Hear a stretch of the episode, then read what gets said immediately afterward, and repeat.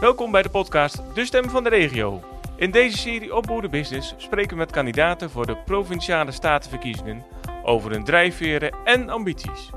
De gast van vandaag is biologieleraar, boerenzoon en lid van D66. Presentator Linda van Ekeris gaat in gesprek met kandidaat-lid van de Provinciale Staten van Groningen, Arjan de Boer. Welkom in onze studio. Je bent uh, een nieuwkomer in de politiek. Kun je iets vertellen over je achtergrond? Ja, hi, ik uh, ben Adrian de Boer. Ik ben 31 jaar oud en ik ben in het dagelijks leven ben ik biologiedocent. Uh, eerder op het uh, voortgezet onderwijs, nu ook op het MBO, laboratoriumtechniek. En ik woon in de stad Groningen. Ik sta kandidaat in Groningen ook voor de provinciale statenverkiezingen. En ik ben sinds 2017 ben ik lid van D66 en ik ben ook werkzaam of uh, actief binnen de werkgroep uh, Landbouw Landelijk. En ik kom van een boerenbedrijf. Ik ben opgegroeid op een melkveehouderij. Ja, je bent opgegroeid op een melkveehouderij in Groningen. wat voor een bedrijf is dat? ik kom uit Zuidoost-Friesland trouwens. Hm. Um, Oké. Okay. Ja, nee, we zijn er in 1979, hm. is mijn familie daar komen wonen. Mijn grootvader samen met zijn broer had een maatschap. En mijn vader heeft later overgenomen. En we hebben nu een opvolger klaarstaan, mijn broer, van uh, 27 jaar. En we hebben een melkveehouderij die uh, gangbaar is. We hebben zo'n 265 uh, melkveekoeien en ook 180 jongvee ongeveer. En ehm, ja, wij doen aan weidegang. we vinden ook weidevogels vinden we belangrijk. dus we doen ook aan weidevogelbeheer. En mijn vader heeft ook, nou ja, de veestapel heeft hij verbreed. Dus ook met, door andere rassen erin te vakken. Met Jersey, uh, Brown Swiss uh, en ook uh, Noors en Zweedse Roodbond bijvoorbeeld. Je hoort dat niet vaak, hè? Een boerenzoon bij de D66. Uh, nee, dat klopt. En zeker in deze tijden kan het misschien een beetje, ja, zal het niet zo vaak voorkomen. Um, ja, waarom ik voor D66 heb gekozen, dat was in 2017. En dat komt omdat ik vooral een sociaal-liberaal ben. En wij vinden pas dat je echt vrij bent als je de kans hebt gehad om jezelf te ontplooien en om jezelf te kunnen zijn. Dus dat iedereen tenminste een kans heeft. Uh, en wat me verder heel uh, erg aanspreekt, is dat D66 is heel erg toekomstgericht, ook progressief. Nou, en ook uh, heel erg pro-Europees. en dat is ook, ja, vind ik wel heel belangrijk, zeker in deze tijden. En in 2017 hebben Trump en Brexit gaven mij toen het setje om, mm -hmm. ja, om ook actief te worden, om politiek actief te zijn. En uh, dat is zeker belangrijk. En hoe is de relatie uh, van D66 met boeren in de provincie? Um, nou ja, um, het is natuurlijk altijd D66 en boeren. Nou ja, op dit moment lijken we tegenover elkaar te staan. En natuurlijk heeft ook daar de halveer-uitspraak heeft daar een rol in. voor veel boeren komt dat over als, nou, dat je, er zijn twee dingen eigenlijk die gevoelig liggen in die uitspraak. En dat is dat boeren het gevoel hebben dat ze weg zouden moeten. En dat is het gevoel dat boeren hebben dat ze als vervuiler worden weggezet. En het is heel belangrijk om te benadrukken dat die krimp van de veestapel onderdeel is van een grotere transitie. Richting circulair en richting natuur inclusief. En waarbij we dus ook de boer moeten meenemen. Ook heel belangrijk is dat wij ook uh, laten zien dat het niet de schuld is van de boer. Boeren hebben individueel geen schuld aan de problemen die er nu zijn. Ze zijn eigenlijk meegenomen in de politiek, in de keuzes die we toen hebben gemaakt na de oorlog, richting schaalvergroting. En uh, nu is het dus tijd om te kijken naar een duurzamere landbouw op vele vlakken. En daarom moet het ook onderdeel worden van een integrale benadering. Dus met klimaatopgaven, ook wateropgaven. En dat moeten we ook uitstralen. En dat is ook waarvoor ik me kandideer.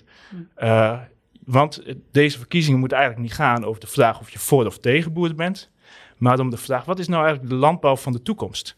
Want juist voor jonge boeren is het belangrijk dat wij, uh, uh, dat wij nu de landbouw hervormen zodat zij een kans hebben. En dat is heel belangrijk om in deze verkiezingen uit te stralen, want deze verkiezingen zijn heel bepalend. En, en snap je dat het kwaad bloed heeft gezet? Zo'n uitspraak van Tjeer te Groot dat de veestapel moet uh, halveren? Ja, 9 september 2019 uh, toen las ik het en toen besefte ik meteen, dit ligt heel gevoelig. En toen hebben we meteen ook het gesprek met uh, nou, de Groot opgezocht. We hebben meteen vanuit Groningen gezegd van kom hier langs. Uh, wij willen juist een duurzame landbouw. En we willen juist niet dat het dat een soort van kaalslag. Uh, want ja, het is heel belangrijk om ook dat perspectief voor die boer te laten zien. En uh, nou, dus Tjeerd is gekomen en we houden, en hij heeft dus ook echt uitgelegd dat het gaat om een veel grotere opgave, veel grotere transitie, waar je die boeren in kan meenemen. Ik, ik kan je dat uh, zelf ook uitleggen aan boeren of je eigen familie? Ja, um, boeren die zitten eigenlijk klem. En uh, dat moeten we heel erg onderkennen. En daar zitten een aantal dingen bij. Als je kijkt nu naar wat nu is eigenlijk is gebeurd. We hebben de hele tijd dat er wisselend beleid is. En waar je naartoe moet. En is dus dat je eigenlijk een integrale visie hebt. Dus je moet dus kijken naar bijvoorbeeld, dus wat ik al zei, klimaatopgave, wateropgave, stikstofopgave. Uh, en dan moet je duidelijke doelen hebben. Want als je kijkt naar de afgelopen tijd, dan zie je eigenlijk al dat die pasregeling die is afgeschoten, dat was al iets. Je, dus daarin, dat kon je eigenlijk ook wel zien aankomen. Ander ding dat we hebben kunnen zien aankomen, is dus ook bijvoorbeeld met het fosfaatrecht, uh, dus de afschaffing van het melkquotum. Dat heeft eigenlijk ook al, dat is daar ook een voorbeeld van. En nu ook eigenlijk de afschaffing van de derogatie. Die komt nu ook in één keer rauw op het dak voor boeren. Dus je zult dus heldere doelen voor de toekomst moeten hebben. En je zult dus ook echt, uh, zodat boeren dus zich daar ook op kunnen instellen en kunnen aanpassen. Wat je ook moet laten zien, en ook dat, dat is ook een stukje van die gevoeligheid. Veel van de boeren zijn al verdwenen. Want per dag stoppen 14 boerenbedrijven met hun, uh, met hun bedrijf.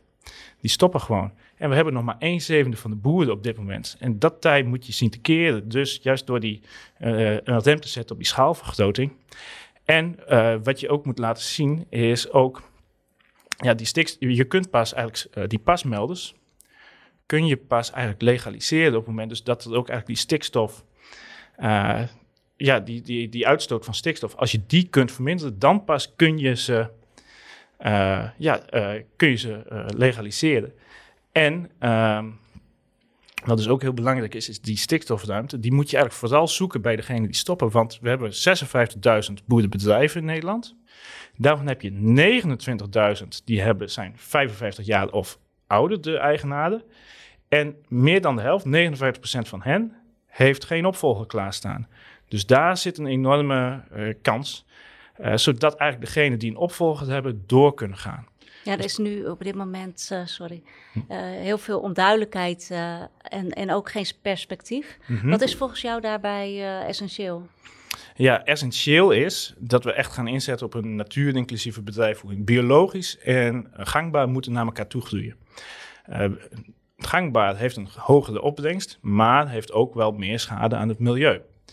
En uh, dat is dus met kunstmest en uh, bestrijdingsmiddelen. Dat is een belangrijk onderdeel.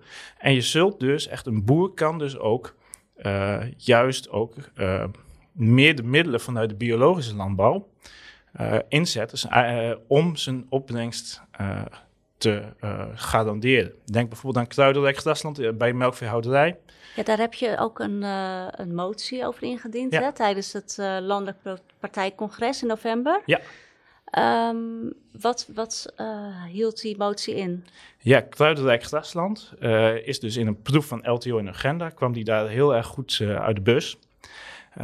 boeren hebben dus meegedaan aan een proef met Kruidenrijk Grasland.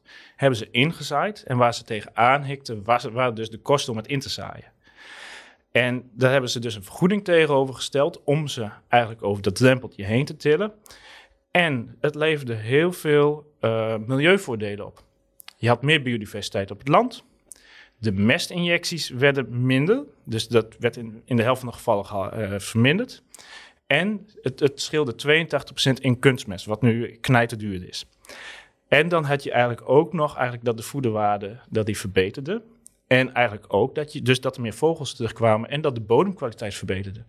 En dat zijn uh, hele mooie stappen. Het mooiste is eigenlijk ook dat die boeren, uh, de meeste boeren wilden daarmee doorgaan. Dat is heel belangrijk, want die motivatie van die individuele boer, dat is eigenlijk de motor achter de transitie die we nodig hebben.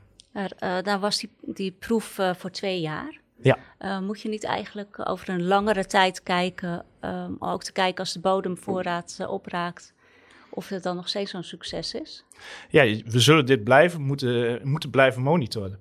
Dus we zullen dit blijven, moeten blijven doen. En dat is dus ook een transitie die doe je over meerdere jaren. Ik, ik, pak niet een toverstafje erbij en het is in één keer geregeld. Dit, dit zullen we meerdere jaren moeten doen. En we zullen dit ook moeten blijven volgen van wat werkt, wat werkt niet. En je zult dus ook initiatieven van onderop zul je moeten faciliteren, want er is al heel wat gaande in de landbouw. En voor biologische landbouw of duurzame landbouw heb je ook een groter areaal nodig. Ja. Uh, op welke manieren moeten boeren aan extra grond komen? Eh, dat zou dus eigenlijk vooral dus eigenlijk, uh, met een groene ruilverkaveling moeten. We zien nu dat de opgaven zijn groot. Nou, we hebben dus nu ook die stikstofopgave.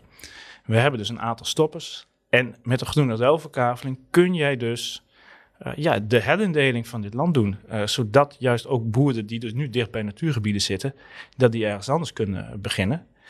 En dat, uh, ja, en dat zij dus ergens anders kunnen, verder kunnen gaan als het nodig is. En in Groningen is genoeg grond, zou je denken. Dus mm -hmm. kan dat ook makkelijk met die ruilverkaveling? Dat zou, ja, onze stikstofopgave is kleiner dan in de rest van het land. Dus we moeten, maar we moeten ook ervoor uitkijken dat we niet om onze lauweren gaan rusten, maar dat we nu doorpakken om juist ook helderheid te bieden. Um, dus dus dat, dat zou makkelijk uh, ja, uit moeten kunnen uh, qua grondopgave. Maar het betekent wel ook dat we zuinig moeten zijn op die grond. Uh, want we hebben heel wat dingen. Dus wij willen eigenlijk ook ervoor zorgen dat wij, als je kijkt dus naar de woningopgave, er moeten een miljoen uh, woningen worden bijgebouwd uh, in Nederland. We hebben ook een deltaplan van het noorden.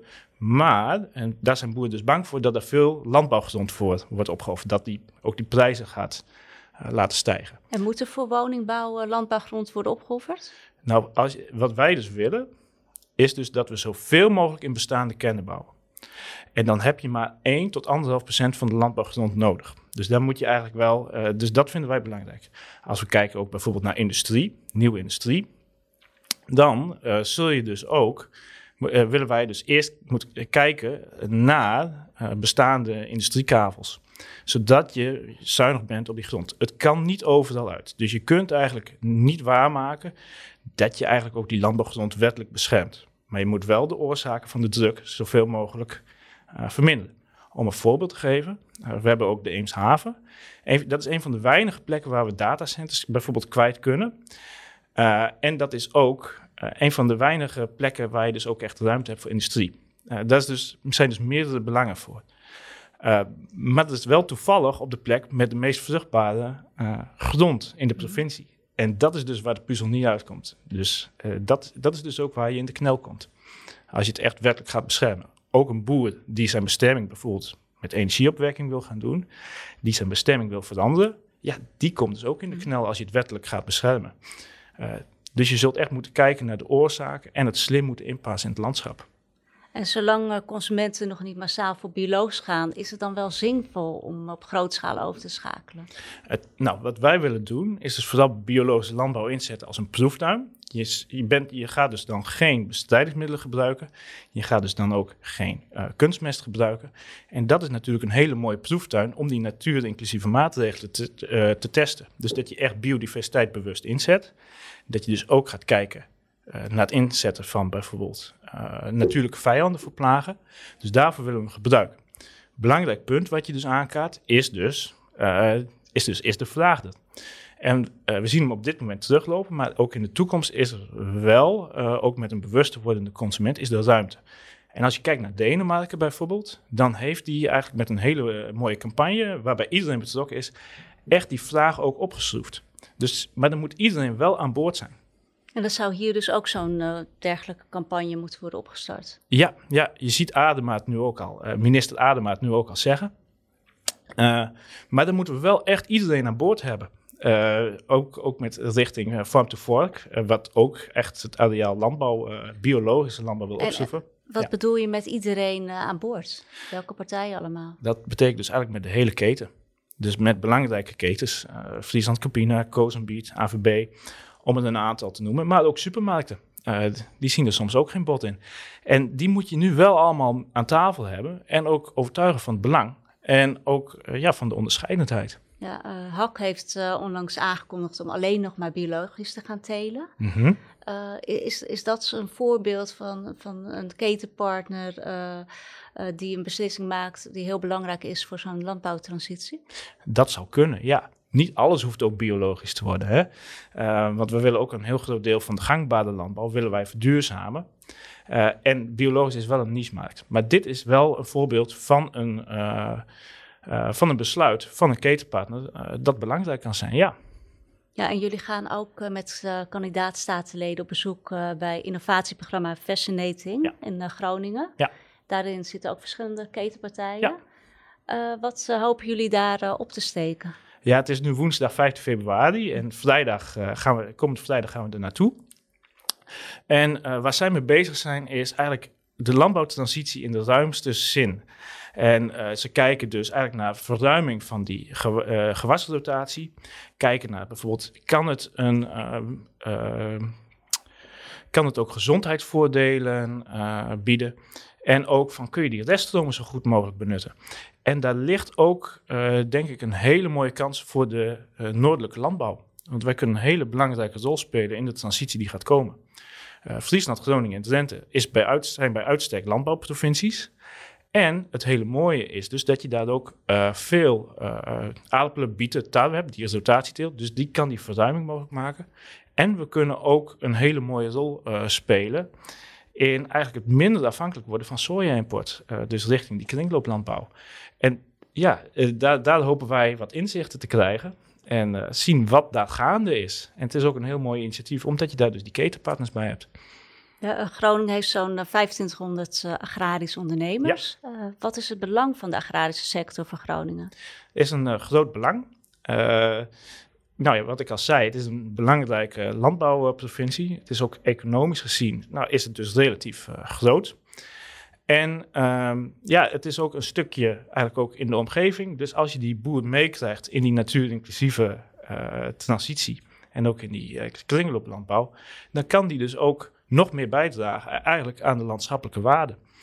Uh, ook een heel belangrijk belang. Uh, nou, wat ik al zei, die landbouwtransitie, die kan, uh, daar kunnen die noordelijke provincies een hele belangrijke rol in spelen. Dus met die verruiming van die teelt. Maar ook richting eigenlijk ja, wat je noemt een biobased economy. Die zijn we nu al mee bezig met Kozenbiet, met AVB. Om zoveel mogelijk uit een biet te halen of uit een aardappel. Uh, zodat je eigenlijk ook de industrie kunt vergroenen. Dus dat is een hele mooie kans richting de toekomst. Dus uh, boeren die dus helpen met het leveren van grondstoffen van uh, bioplastics, bijvoorbeeld uit suikers. Of bijvoorbeeld juist zoveel mogelijk uit die aardappel halen met eiwit. En dat kan dus ook een bijdrage leveren aan een verdienmodel. Maar dat betekent dus ook dat zij eigenlijk ja, de grondstoffen kunnen leveren voor een groene economie met deze zaken. Maar bijvoorbeeld ook voor de bouw met vezelhennep. Dat staat nu nog in een beginnende fase.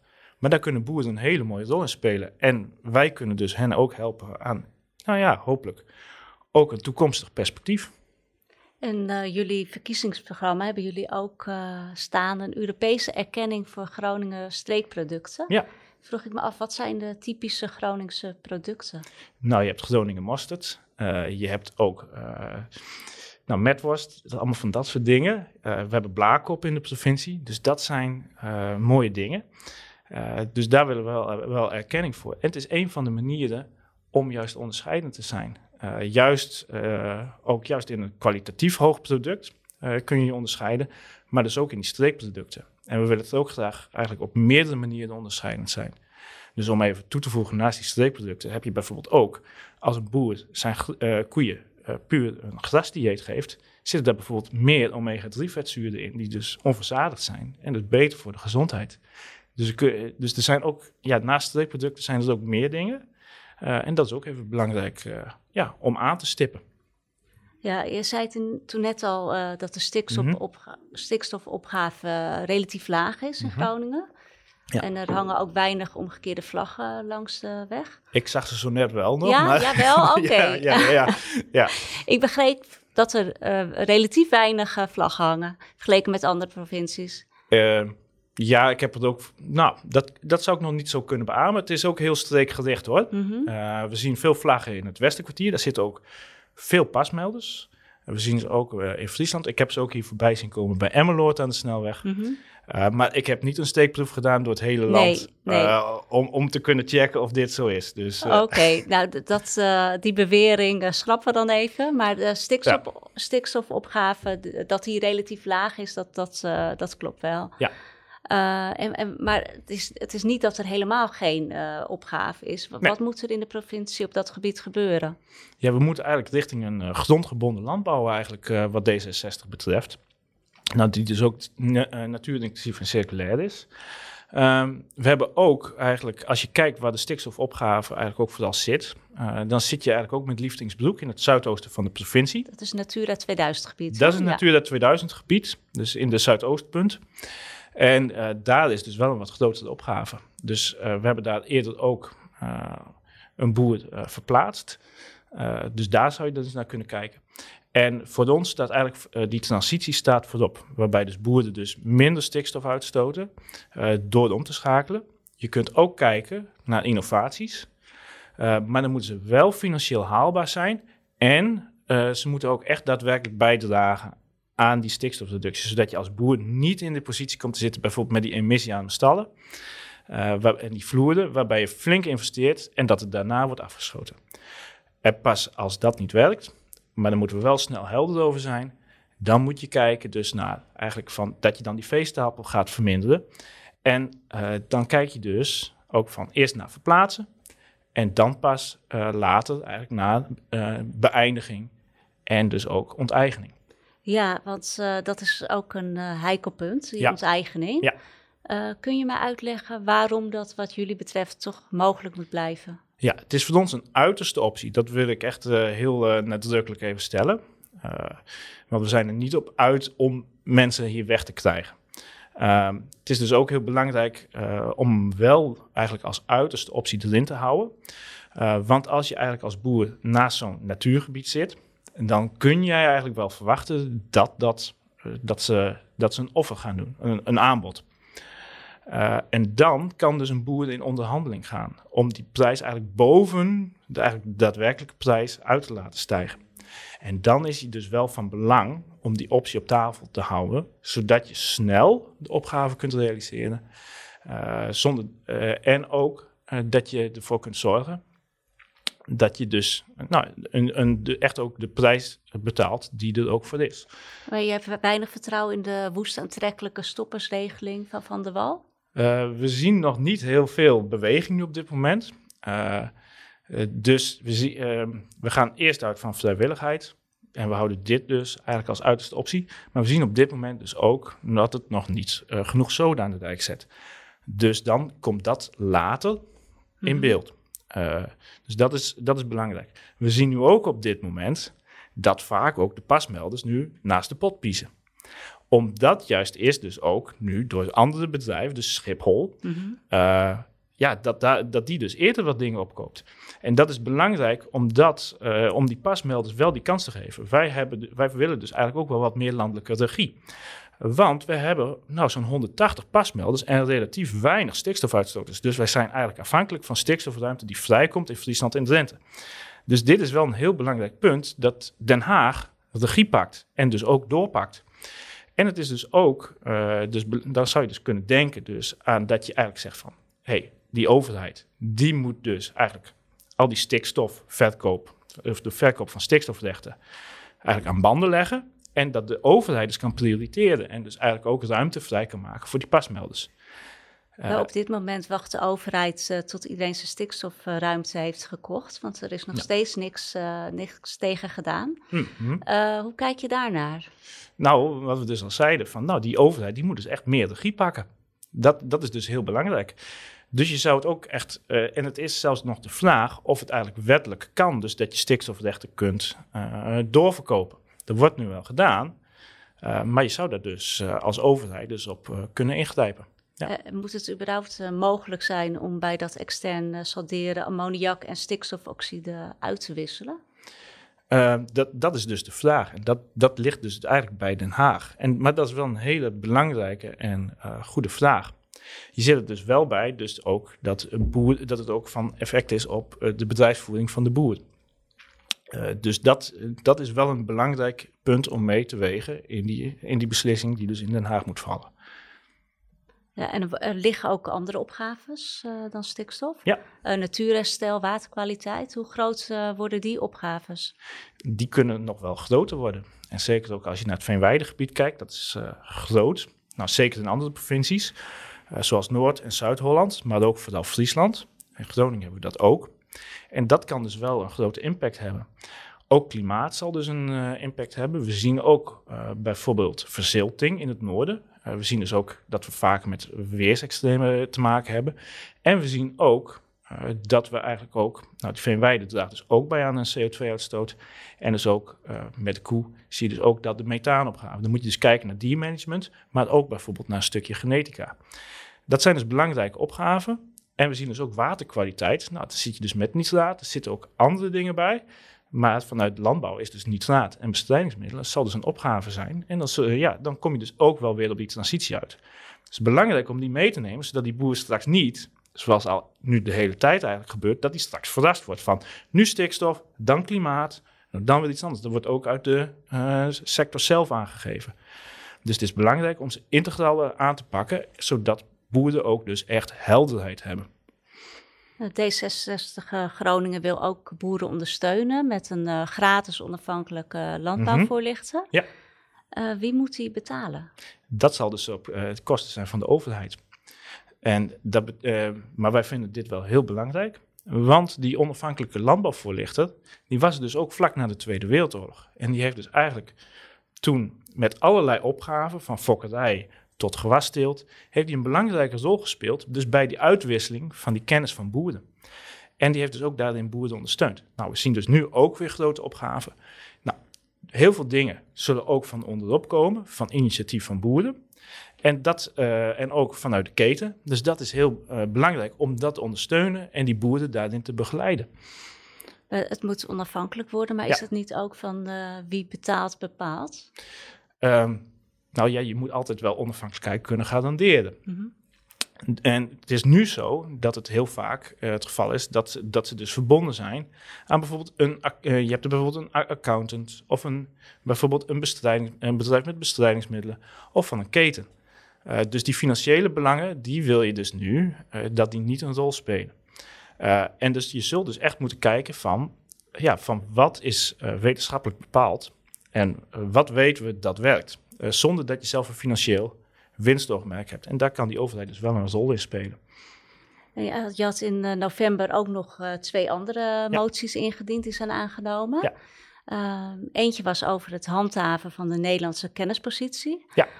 Um, hoe behouden we die rol terwijl de landbouw moet extensiveren? Ja, dat is altijd een punt hè, van wat uit de landbouw wordt geschetst. Van je moet een kritische massa hebben. En dat verband, dat is dus niet uh, lineair. Uh, dus bijvoorbeeld, je kunt dus eigenlijk ook al uh, ze kunnen dus eigenlijk al onderzoek doen met 20 tot 30 boeren in één onderzoekje. het is dus wel ook een belangrijk punt om in de gaten te houden. wat we eigenlijk moeten doen en wat we zien, is dus dat deze opgaven met duurzaamheid, die zullen dus die exportpositie onder druk zetten. Dus daarin zullen we een tandje terug moeten doen. En wat we eigenlijk moeten doen, is dus dat we echt investeren in die kennispositie. We hebben Wageningen Universiteit, we hebben Seed Valley, we hebben onze ketens. En daar zul je dus echt in moeten investeren om juist ook onderscheidend te zijn ten opzichte van het buitenland. Want het buitenland, dat maakt dus nu een inhaalslag. Wij zijn een hele, we hebben nu op dit moment een belangrijke rol, eigenlijk als uh, bruto tweede exporteur ter wereld, netto nummer vier ongeveer. Maar die positie komt onder druk, omdat bijvoorbeeld in Vietnam, in Afrika, maar ook bijvoorbeeld in Azië en de rest van de wereld maken ze nu een inhaalslag. Dus je zult onderscheidend moeten zijn en een slag voor moeten blijven, zodat jij eigenlijk nu ook ja, dit, je eigen positie kunt behouden. En daarbij speelt ook een rol, dus dat je uh, met verdienmodellen, dat je dus eigenlijk iets onderscheidends moet hebben om juist je te onderscheiden als je niet meer op massaproductie of bulkproductie je kunt oriënteren. Ja, en je andere motie ging ja. uh, over het voorkomen van negatieve gevolgen voor het milieu uh, door het wegvallen van de mestderogatie. Ja.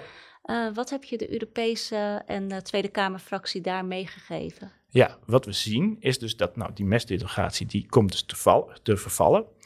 Um, en daarmee vervalt eigenlijk ook een eis, namelijk dat jij minstens 20% van je areaal of maximaal 20% van je areaal bedoel ik, sorry, moet, uh, moet jij gebruiken, kun je gebruiken dus voor bouwland.